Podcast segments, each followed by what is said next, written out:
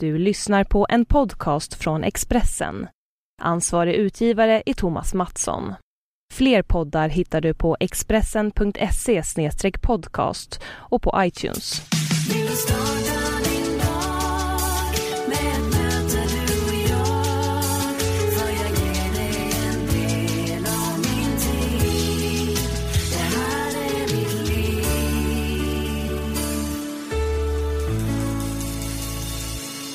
Varmt välkommen till Livshjulet och avsnitt 123. Jag heter Anna Hegerstrand och jag träffar kända gäster som berättar om sitt livshjul och sin livssituation. Podden görs i samarbete med Expressen och du lyssnar enklast på den i Acast-appen, på iTunes och på expressen.se podcast. Mig hittar du på sociala medier, på Instagram, det heter Anna Hegerstrand. Och vill du få en inblick i mitt livshjul så bloggar jag om bland annat hälsa, resor och karriär på expressen.se Anna Hegerstrand. Veckans gäst, hon har ett liv som snurrar väldigt fort. Det är åtminstone min uppfattning efter att ha gjort ganska många intervjuer med henne. Det är Charlotte Perrelli som gästar mig den här veckan och här kommer hennes livshjul. Varsågod. Och vad har du för syn på äktenskapet idag jämfört med förra gången du gifte dig? Har den ändrats? Eh, då så var jag ju gravid med första barnet, eh, Angelo, och jag Um, det var lite sådär, man skulle gifta sig på något sätt. Även om det kanske i hela, hela den tiden som vi har levt så har det blivit dyrare och dyrare att gifta sig och folk gifter sig inte lika eh, ofta eh, eller lika självklart som det kanske var när våra föräldrar gifte sig. Men det, jag tror att eh, jag tror att det mer kändes så förra gången att ja, men det är ju jätteroligt att gifta sig och det ska man ju göra såklart när man nu ska skaffa barn och sådär. Men den här gången så känns det lite annorlunda därför att vi är vuxna. Och vi har tagit beslutet eh, för att vi har hittat varandra i vuxen ålder och för att vi känner att vi klickar och för att vi älskar varandra och för att vi vill leva med varandra. Inte sådär att vi bör kanske gifta oss utan tvärtom så är det sådär oj, det här måste vi göra för det här känns helt, helt rätt. Ehm, och då får man också eh, man får liksom hopp igen där man känner att det kanske är så att det, det, faktiskt kan fungera hela vägen den här gången. Att det kanske liksom, faktiskt is meant to be någonstans. Man vågar ju aldrig säga det och man vågar ju knappt hoppas heller. Framförallt inte när man har blivit bränd en gång. Men samtidigt så när någonting känns så rätt och riktigt så, så vågar man ju tro igen och då slänger man sig hejdlöst ut igen. Och, och samtidigt så blir man också eh, man är medveten om att man, man är sårbar för man, man blottar sitt hjärta igen. Men man känner att det är värt det. Att man känner att ja, men skulle det inte funka den här gången då har jag ändå trott på det 110 procent och jag har gett allt som jag kan. Och eh, jag tror att har man den inställningen så kommer man ganska långt. Då tror jag att, jag menar det finns ju inga äktenskap som, som är superenkla. Jag menar man, inga relationer, om det är som med vänner, med föräldrar eller den man lever med. Man måste ju jobba för att få det att fungera och investera liksom i sin kärlek. Och det tror jag också är någonting som man lär sig ju äldre man blir. Man förstår att man måste jobba för att saker och ting ska bli riktigt, riktigt bra. Det kommer aldrig av sig självt. Mm. Vad var det med, med Anders då som gjorde att du vågade kasta dig out there? Nej men det är många saker. Vi, vi har väldigt roligt tillsammans. Vi har en ganska lika syn på, på många grejer. Samtidigt som vi är väldigt olika så kompletterar vi varandra väldigt bra. Um, och ibland är det svårt att sätta fingret på exakt vad det är. Jag menar, jag tycker han ser jättebra ut och han är jätterolig och han är en fantastisk människa och han är en bra pappa. Och jag, liksom, det finns mängder av superlativ som jag skulle kunna säga om honom. Men egentligen så är det svårt att säga exakt just vad det var jag tror bara känslan när man träffar någon och man inser att den här människan vill jag umgås med varje dag. Och så träffas man hela tiden och man känner att jag vill inte vara utan den här personen. Jag vill vara nära den här människan. Och jag känner mig helt tillsammans med honom. Och när jag inte är det så känns det inte på det sättet. Man kan inte riktigt ta på vad exakt det är som gör det. Men man känner att det fungerar inte utan han. För det är meningen på något sätt. Så det, det, det är en häftig känsla när man upplever det och när man, när man känner att det här måste någonstans varit meningen. Du sa tidigare att eh, ni, ni går lite omlott hemma för att ni jobbar väldigt mycket. Mm. Hur, hur vårdar ni er relation mitt i allt? Små barn och Mm. två karriärer och Ja. Nej men jag tror att Eh, eftersom vi är så pass vuxna så vet man ju att eh, man kan inte köra på, köra på, köra på och inte se varandra. För då fungerar inte eh, livet tillsammans. Så att vi har, vi har varit, Anders är ju, eftersom han är ledig om helgerna när jag jobbar som mest så är han enormt duktig på att försöka följa med mig. Jag har ju så flexibelt jobb så att jag kan ju eh, man kan ju tycka att det knappt känns som ett jobb. Man åker på en Diggiloo-turné liksom en sommar. Eh, och många skulle se det som en Sverigesemester. För mig är det ju såklart jobb. Men han har möjligheten att kunna åka med för då är han ledig, då har han semester från sitt jobb. Så istället för att ligga hemma själv och tycka liksom att, eller hänga med sina polare, vilket eh, i och för sig hade varit kanske lite konstigt. Men, men, då, men då väljer han ju att hänga med mig och att vi tar med barnen och sen gör vi det liksom som en rolig Sverigesemester. Man hittar ställen där man vill liksom stanna på dagarna. Man kanske planerar in något vattenland eller någon djurpark eller någon sevärdhet med barnen. Eh, och sen så, mm, det, det är väldigt, väldigt trevligt. Och så, så kan vi ju få ihop det. Det var bara ett exempel över sommartid. Men även liksom under vardagen i veckor och sådär så eh, mestadels jobbar jag ju helger och det är ju då han är ledig. Eh, så att vi går ju omlott vad det gäller att jobba men vi försöker ändå liksom han försöker hänga med mig i den mån han kan. Jag kan ju inte följa med han på ett styrelsemöte liksom. Det funkar ju inte riktigt. Det skulle vara lite konstigt. det skulle vara konstigt. Och det skulle... i pauserna. Ja, lite sådär. Så att, eh, så att, men han har ju möjligheten att kunna följa med mig. Så så försöker vi göra. Och så har ni er lilla Adrian ihop. Mm. För du har eh, Angelo och Alessio sen tidigare. Och hur Ja. gamla är de? De är, Angelo han är, ja, de är 11 och 10. Angelo är ett och ett halvt år äldre så att han fyller snart 12 då. januari. Och så har Anders sin dotter Isabella. Ja. Och så lilla Adrian två. Ja. Aktiva Adrian. Ja, han är, han är verkligen i en liksom han är verkligen i en aktiv ålder. Terrible two kallar de ju liksom åldern. Och det är lite så. Klättra upp, trilla ner. Ehm, mycket känslor. Skrattar hysteriskt. Slår sig, gråter frenetiskt. Eh, för lite sömn, ledsen. Ehm, inte mat, ledsen. Eh, men har han ätit och ren blöja och allt är bra så är han så jätteglad och tycker livet är toppen. Men det, det är väldigt stora svängningar och man får hela tiden parera. Oj, nu blev det så. Hopp, då får vi göra så. Och så får man försöka att för att det ska bli så bra som möjligt och för att allt ska bli så enkelt så får man försöka parera. För annars blir det lite mäckigt. Vem har han fått det av? Tror du? Att Jag tror att det, den här åldern, tog ju, om jag kan minnas tillbaka på mina pojkar innan så eh, jag, jag ser väldigt mycket Angelo i Adrians sätt. Han var exakt likadan. Han hoppade, skulle gå in i bilen och sätta sig när vi kom hem från dagis och han gallskrek när jag skulle ta ur. honom. Han hade suttit där en halvtimme och jag kände nu räcker det. Nu är det dags att gå in. Han- Envis som synden och det är ju både jag och Anders. Men just den här åldern har liksom den där grejen att man eh, ska lära sig att säga ifrån. Man inser att eh, om jag säger ifrån så får det effekt. Folk lyssnar på mig, jag kan säga vad jag vill, jag kan säga nej eller jag kan liksom visa med hela handen att det är inte okej. Eller jag kan gå fram och skratta och peta på någon och, och, och de skrattar åt mig. De, liksom, de börjar bli medvetna om sin egen eh, både identitet och liksom, eh, deras sätt att påverka människor runt omkring dem. Så att, men Alessio var väldigt mycket lugnare, nummer två då. Han var inte alls den här aktiva, utan han satt väldigt lugnt, still. Ehm, jag kunde ha grejer framme, han tog inget, rörde ingenting, petade inte.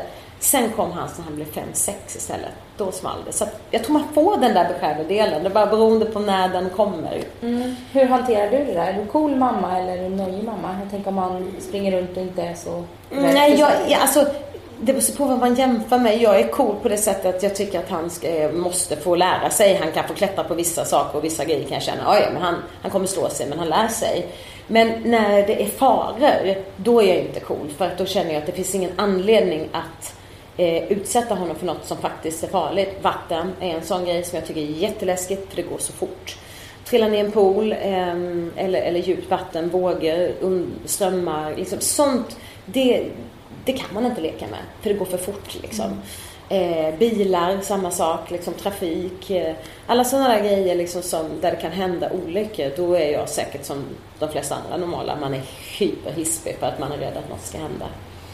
Eh, annars så, så är jag inte sjåpig. Sån där som om han trillar så är inte jag sån där som Åh lille vän, åh hjälp.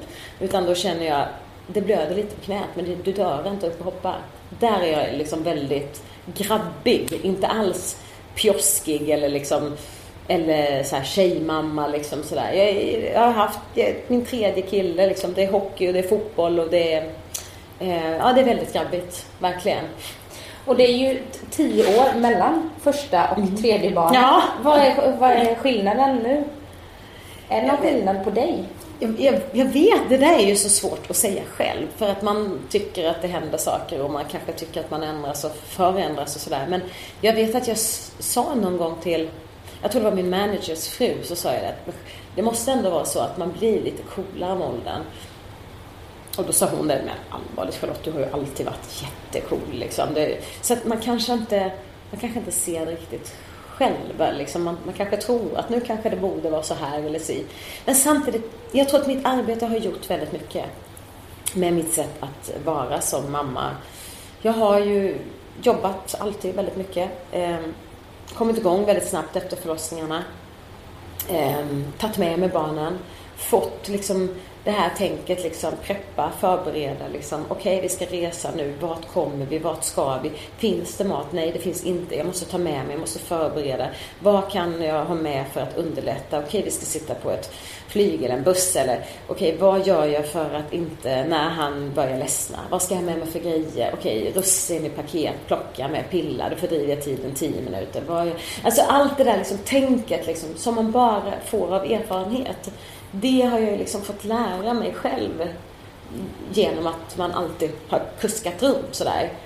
Um, ja, så att, men jag tror annars att jag är en, en ganska, ganska vanlig morsa.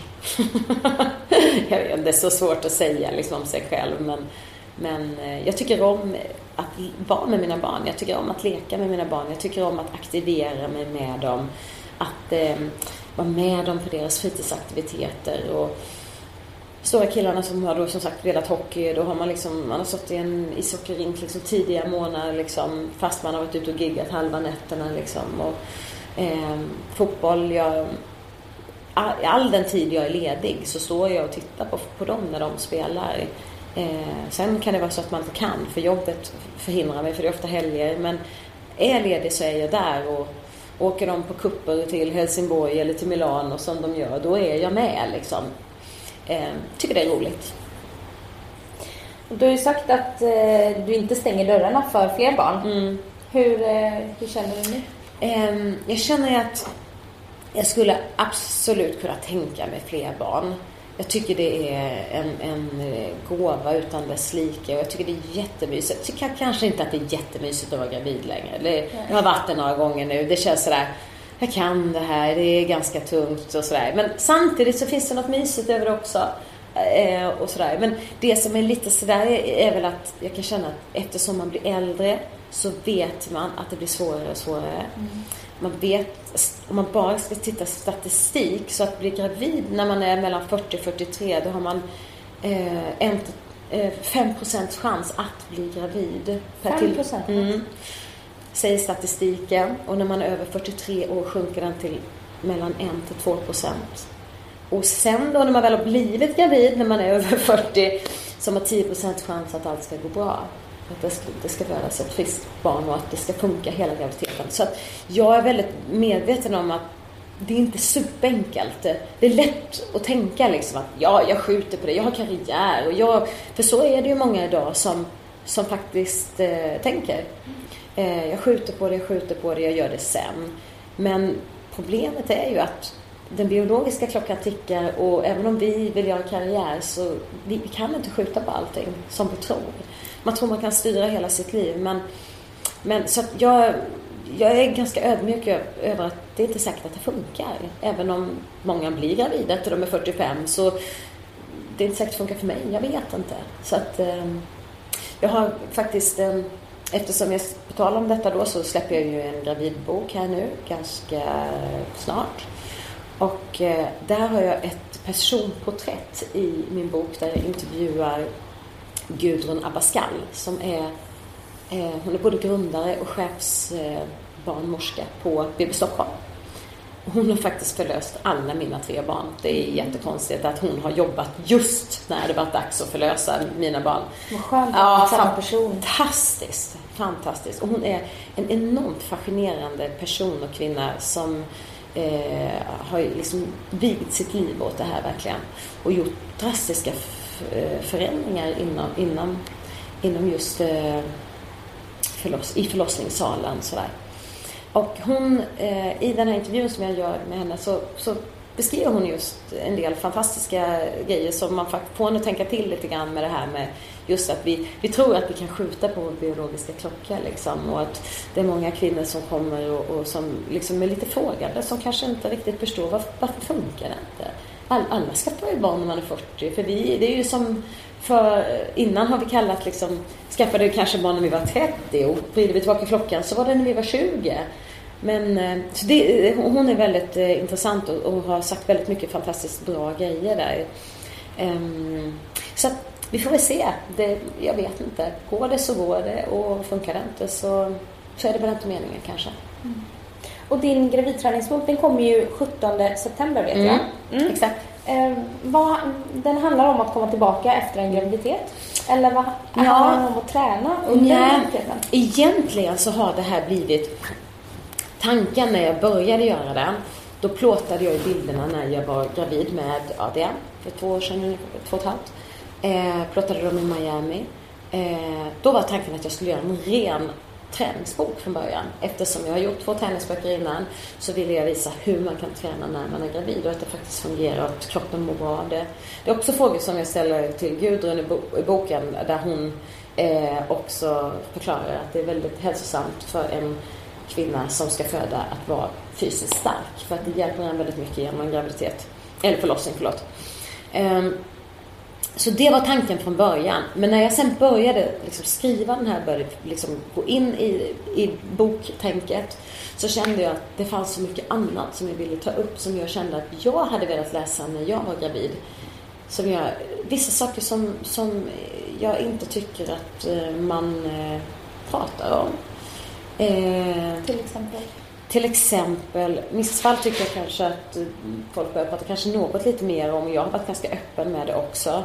Eh, om att jag har fått missfall själv, hur det har gått till och jag verkligen penetrerar områden. Liksom. Jag beskriver, det blir väldigt självbiografiskt eh, det här. Jag skriver väldigt ingående eh, känslor, vad som har hänt, hur det gick till, hur jag resonerade eh, och sådär. Eh, men även andra saker, krämpor som man kan ha som eh, gravid. Eh, baby blues, som jag inte visste fanns. Visste inte vad det var, aldrig talas om det. Och för mig som inte har barn, Nej. vad är det? En form av eh, förlossningsdepression. En depression man kommer in i efter man har fått barn. Eh, jag- har aldrig varit så mycket för sånt där. Liksom depressioner hit och dit och gå in i väggen. Jag tycker att det är så tramsigt att det gått lite inflation i det. Jag har inte riktigt förstått det helt enkelt. För att Att folk gömmer sig bakom det? Ja men lite sådär att det är så lätt att säga åh jag mår så dåligt och det är det eller nu är det det och nu är det lite jobbigt och jag är lite deprimerad och, och jag Kommer man från en här riktigt grundad familj liksom med fötterna på jorden så känner man att ja det kan vara lite tufft ibland men man, man biter ihop och man liksom kör på. Det är liksom inte så big deal. Så jag har inte riktigt liksom jag har inte lyssnat på sådana här signaler överhuvudtaget och inte tyckt att det varit så märkvärdigt. Men när Adrian kom så hamnade jag i en sån här situation och det beskriver jag också liksom ganska ingående liksom att hur det kändes och att jag inte förstod vad som hände. Liksom det här. Jag var hysteriskt ledsen och jag grät och grät och grät liksom, konstant i tio dagar. Och jag, jag var liksom eh, fram och tillbaka, upp och ner. Men jag grät hysteriskt typ i tio timmar utan att kunna sluta. Och jag förstod inte vad det var. Det var så här, vad är det som är fel? Vad är det som... Vad, jag är ju jättelycklig, jag mår jättebra. Vad är det som händer i kroppen? Vad är det som... Det yttre som påverkar mig, som gör mig sån här? Men jag kunde inte förstå det. Jag hade aldrig läst om det, jag visste inte att det fanns, jag förstod inte. Ja, det var verkligen, det var verkligen en ny erfarenhet. Och det tycker jag också är så konstigt. Jag kan inte vara den första på jorden som drabbas av det här. Men man pratar inte om det. För allt ska vara väldigt perfekt. Och jag är själv en sån person som vill att allt ska vara bra och geggar inte ner mig i tråkigheter. Men det är inte så att jag försöker hålla en fasad för att det har varit jobbigt innanför. Utan det har varit bra. Så att jag har inte behövt att liksom dölja något eller försöka låtsas och hålla upp en perfekt fasad som jag tror att en del kanske tror. Eh, utan jag har bara inte liksom blivit utsatt för någonting som har känts tungt på det sättet. Så det har jag tagit upp också. Liksom sådana där grejer som... Det har verkligen blivit lite av en, ehm, en, eh, en biografi genom, genom förlossningar och genom eh, hela liksom graviditeterna. Massa sådana där krämpor, foglossningar och hur det gick till. Vad jag kände, vad jag tänkte och, och rädsla liksom över att hjälp, vad händer? Vad funkar? Benen bär mig inte liksom. Vad gör jag nu? Och sådär. Så att det, ja. Hur känns det och, och att folk kommer att få läsa det här nu och att bjuda på det, att släppa in? Alltså jag, jag, är, jag är ganska cool faktiskt med det. det jag kände någonstans också, ska man släppa en bok där man ska få folk att eh, bli liksom berörda och det ska också hjälpa folk på något sätt. Om det ska finnas en poäng med boken. Varför ska jag släppa den om den inte har ett syfte, liksom, kände jag. Och, och jag vill ju någonstans att belysa de här sakerna som jag tror att jag själv hade mått bra av att kunna se och läsa innan det hände. Jag tror att det kan säkert hjälpa en och annan liksom, att se att eh, ja, man kan ha en fasad där det ser jättebra ut men att alla kan ha det lite halvkämpigt ibland. Ja, och framförallt så är det ganska tråkigt att läsa med en människa som är helt perfekt. Ja, ja, man visst. vet att det är aldrig helt perfekt. Nej. Och då vet man att jag kommer inte in här. Nej, precis. Och då blir det inte intressant. Så är det. Och nu är det drygt två år sedan, sedan eh, Adrian kom. Mm. Hur eh, tycker du att det har det varit lika lätt att komma tillbaka efter graviditeten som det var när du var gravid med de andra killarna? Ja, alltså, med Angelo var det lättast. Då var jag yngst och det sa pang så efter sex månader så vägde jag liksom 47 kilo var som en speta igen liksom. Gick hur lätt som. Jag gjorde ingenting. Jag ammade och, och det var så himla enkelt. Jag var ute på turné med Rhapsody och eh, såg ut som innan. Det var liksom ingen skillnad. Med Alessio, då blev det ju en väldigt tät graviditet. Jag blev ju gravid eh, liksom eh, eh, till och med tidigare än ett år. Liksom. Vilket gjorde att kroppen visste ju direkt vad som skulle hända. Pang sa det, jag blev liksom jättetjock direkt.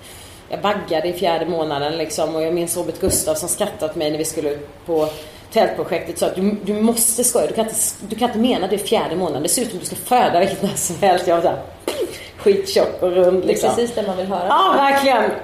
Gick upp 30 kilo med bägge barnen och var hysteriskt stor.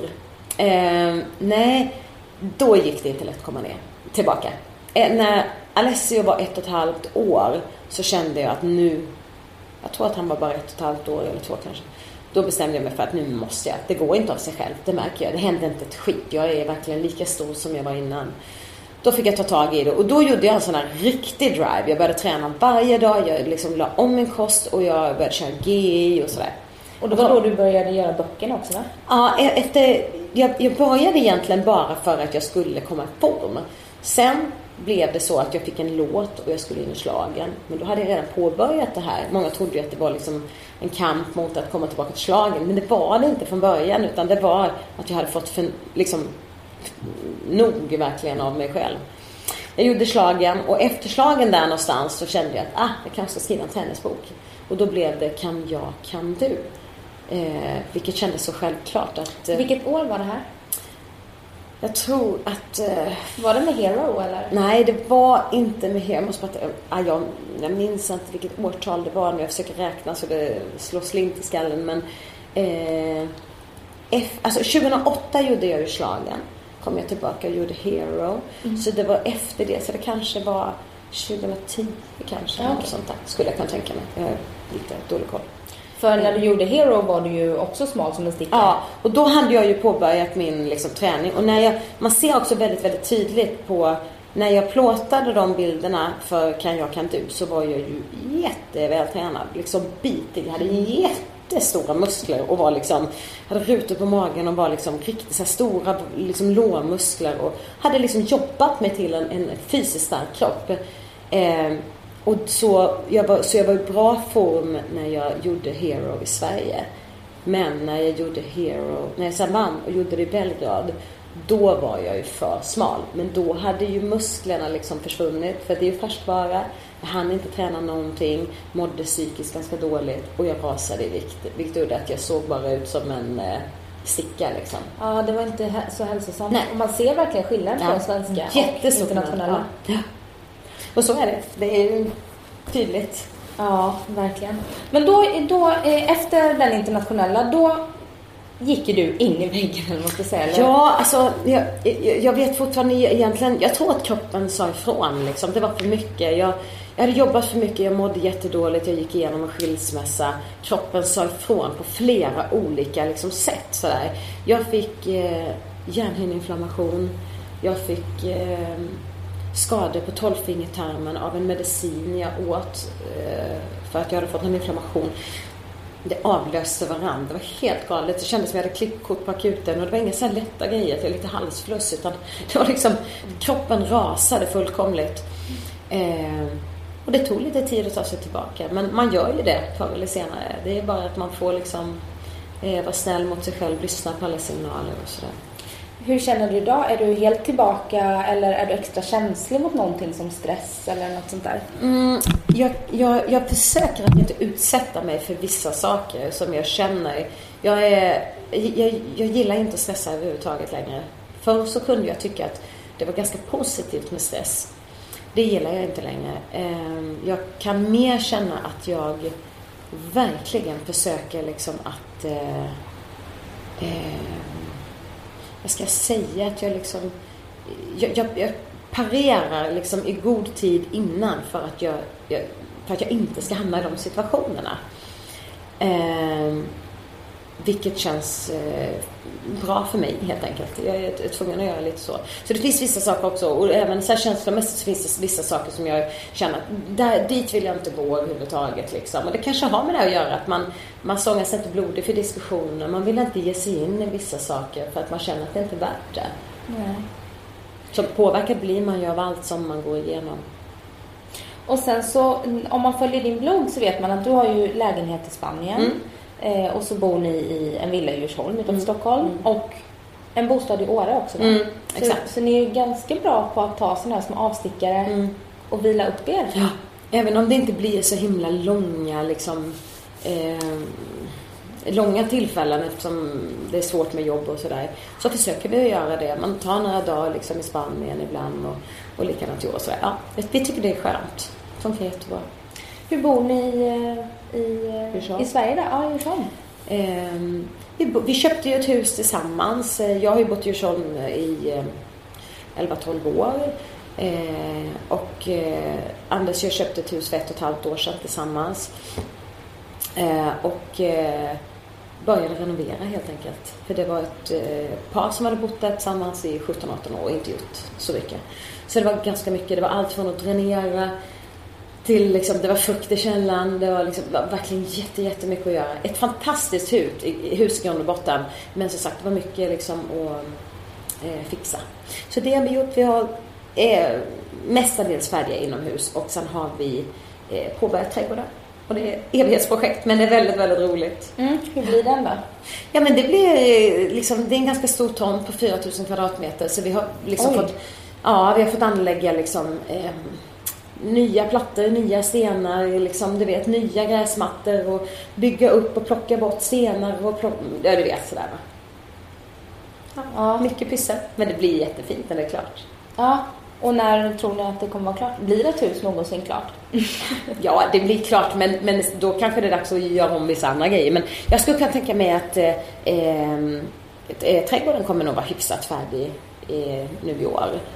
Eh, ja. Sen undrar jag, du har ju alltid, du har jobbat i vad är det, 20, 25 år i ja, branschen. precis. Jag började ju jobba heltid med dansband när jag var 18. Så det är ju 22, 23 år sedan. Ja. Och alltid jobbat jättemycket. Mm. Och idag så kan jag tänka mig att det inte är brist på erbjudanden. Nej. Och du är en av våra mest kända sångerskor och känd i Europa också. Kanske inte så mycket Mm. nu när... Nej, inte så mycket längre. I vissa, Men i Skandinavien i alla ja, fall. absolut. Och, och liksom cashar in bra på det du gör. Kan du känna att du, får, att du blir blasé ibland eller känner du att du har fötterna på jorden? Nej, men eh, jag, jag känner alltid när jag går upp och ska göra mitt arbete att jag känner mig tacksam och att jag tycker det är kul. Och det är någonstans eh, enormt skönt att känna det. För jag behöver aldrig känna det där att "Ah, jag har ledsnat på det här. För det tror jag är farligt. För då tappar man liksom gnistan, inspirationen.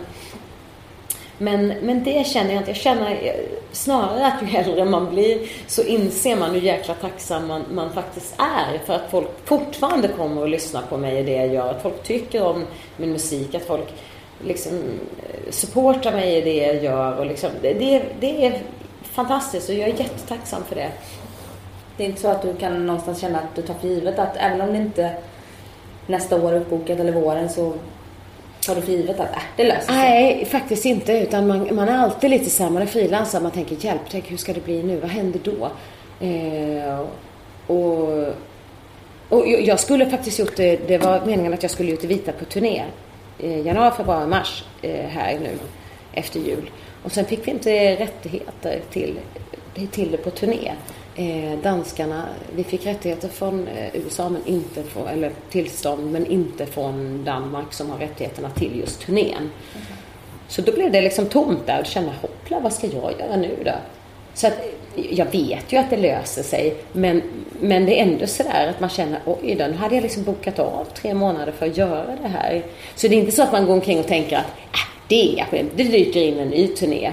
Det, så blasé, eller liksom ta för givet gör man inte det. Men samtidigt så är jag ju också realist där jag vet att det är ingen fara om det skulle vara så att det inte kommer in någonting så vet jag att jag reder mig ändå. Och någonting brukar det ju alltid komma in så att det, eh, det brukar lösa sig ändå.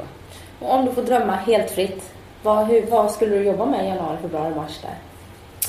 Och jag, jag var så inställd på att göra Vita på turné. Jag hade tyckt att det hade varit väldigt roligt men eh, eh, nej, jag vet inte faktiskt. I, i, på ett sätt kan jag känna att det är ganska skönt att inte få en sån stor turné eftersom jag har gjort Diggiloo och jag gör ju Grand under hela liksom, den intensiva perioden. Så att eh, under, efter jul där så brukar vi alltid åka på lite längre semester.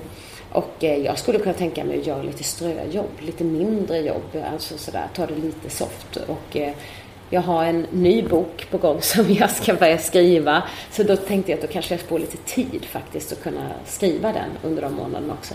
Ja, vad, hal- vad ska den handla om då? Det blir en uppföljare på eh, Charlottes gravidbok. Som, eh, ja, en uppföljare på den helt enkelt. Vad är skillnaden på Charlotte Perrelli, artisten, och Charlotte privat? Eh,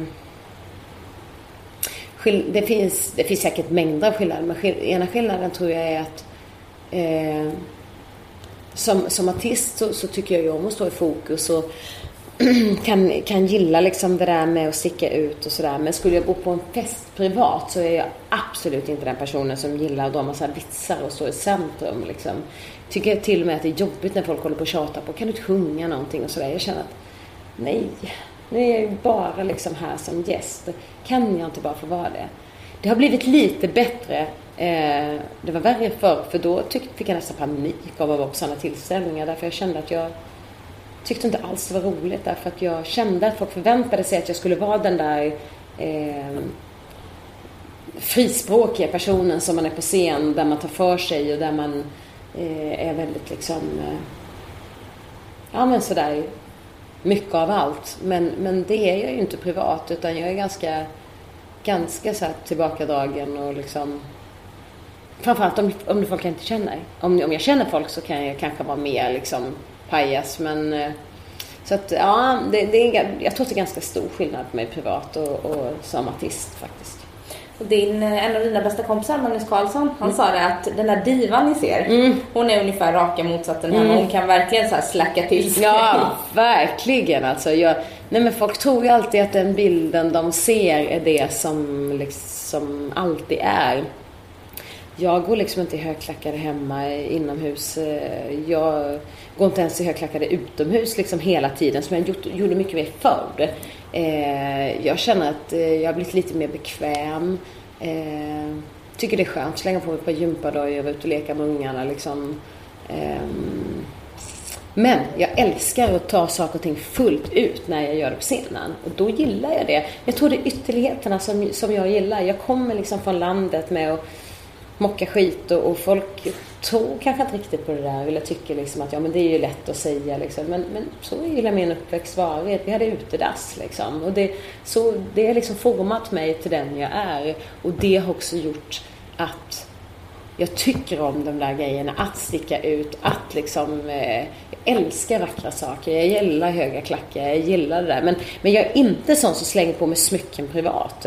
Jag har liksom ringar, eh, kanske något, ör, något örhänge liksom och sådär. Men jag, jag är inte sån som där det hänger stora grejer, dinglar, stora halsband och det glittrar och mycket glitter i sminket. Det går nog inte att hitta några sådana bilder på mig. Det är väldigt, väldigt, väldigt sällan. Men folk tror att varför jag gillar glamour så tror folk också att jag gillar att liksom se ut som en julgran. Mm. Att säga, åh vad det är kul med allt som glittrar. Jag avskyr allt som glittrar. Det så att liksom, tacky nästan. Ja, jag tycker det blir tacky. Det är inte min grej liksom. Så att det, det um, Ibland är det en hårfin balansgång hela tiden. Köper du bara svindyra designerkläder? Nej, det gör jag inte. Jag köper bara svindyra designerskor. Ja. det kan jag verkligen säga. Ja, men det, det, där är jag ju helt torsk eh, och även väskor. Där, det är inte ofta jag köper någonting annat. Liksom. Om jag ska köpa ett par skor då köper jag oftast liksom, kvalitet rakt igenom och något sådär. Men inte alls sånt när det gäller kläder. Jag handlar på H&M, jag handlar på Zara och jag handlar liksom sånt också. Men kanske inte så mycket, så mycket sånt för liksom scenbruk eller för om jag ska göra en plåtning eller för om jag ska göra något i mitt arbete. Men privat en helt annan sak. Då kan jag liksom ha det och barnen går inte bara i Dior-skor liksom. De går såklart i allt möjligt liksom på dagis och i skolor och sådär. Eh, så det är också väldigt, väldigt blandat. Men jag tycker det är kul att ha liksom några sådana lite roliga grejer för speciella tillfällen och sådär. Vad, eh, hur, vad kostar din mest värdefulla väska hemma? Vad är det för en väska? Mm, jag har ju flera liksom, olika varianter men Chanel är ju dyrt. Eh, Hermé är dyrt. Det är väl de som är liksom kanske dyrast. Mm. Så vet jag att du gillar Jimmy Choo. Ja. De, de är också Stor. dyra men inte riktigt lika dyra kanske. Nej. Vad lägger du annars dina pengar på? Boende. Nej, ja, nej men alltså jag har ju alltid lagt väldigt, jag, jag sparar ganska mycket pengar till mina barn. Eh, eh, spara i både fonder och placera i aktier och sådär. Det har jag alltid gjort. Eh, är du intresserad av det? Inte speciellt, men jag gör det ändå. Eh, jag gör det för att jag måste. Eh, du får hjälp då? Ja, det, exakt. Det får jag. Eh, så det har jag alltid gjort och också varit väldigt duktig liksom sådär att, ja men jag försöker att investera pengar i liksom boende. Sånt där. Jag har ju fortfarande, jag har ju ett hus till kvar i Djursholm som jag eh, köpte då för 12 år sedan och som jag har kvar, som jag har uthyrt idag. Fastigheter är någonting som idag eh, framförallt i Stockholmstrakten liksom är väldigt liksom, den utvecklingen är ju helt galen. Mm. Så har man ekonomisk möjlighet så tror jag att det är eh, ett ganska säkert sätt att placera pengarna på just nu i alla fall. Och jag minns när jag köpte min första lägenhet i Stockholm att mamma och pappa trodde jag var fullkomligt galen. Jag lånade upp varenda krona. Hade inte en spänn på fickan. Jag sjöng ju i dansband och hade bara en vanlig futtig liksom, liten lön liksom. Eh, och betalade av liksom, alltså, eh, jag tror att 80 av min lön gick till mitt boende liksom i början för att, och levde ganska snålt liksom för att ha råd att bo där. Men när jag sen eh, sålde den så hade jag ju tjänat ganska många Mm. Många pengar. Många pengar. Många pengar. Eh, och, eh, och, så, och, så, har jag ju också liksom skapat mitt kapital på något sätt. Att jag har liksom bytt lägenheter och köpt lägenheter och liksom renoverat, fixat, sålt. Eh, så det är inte bara att jag har gnetat in alla kronor liksom och sjungit in utan jag har liksom försökt att placera pengar på andra sätt och sådär. Mm. Okej, Charlotte. Vår tid börjar rinna ut här. Yes. Ja, och jag är jätteglad att du ville träffa mig. Tack, det har varit jättetrevligt. Och ha det så bra nu. Ja, ja, tack snälla. Hej. Hej, hej.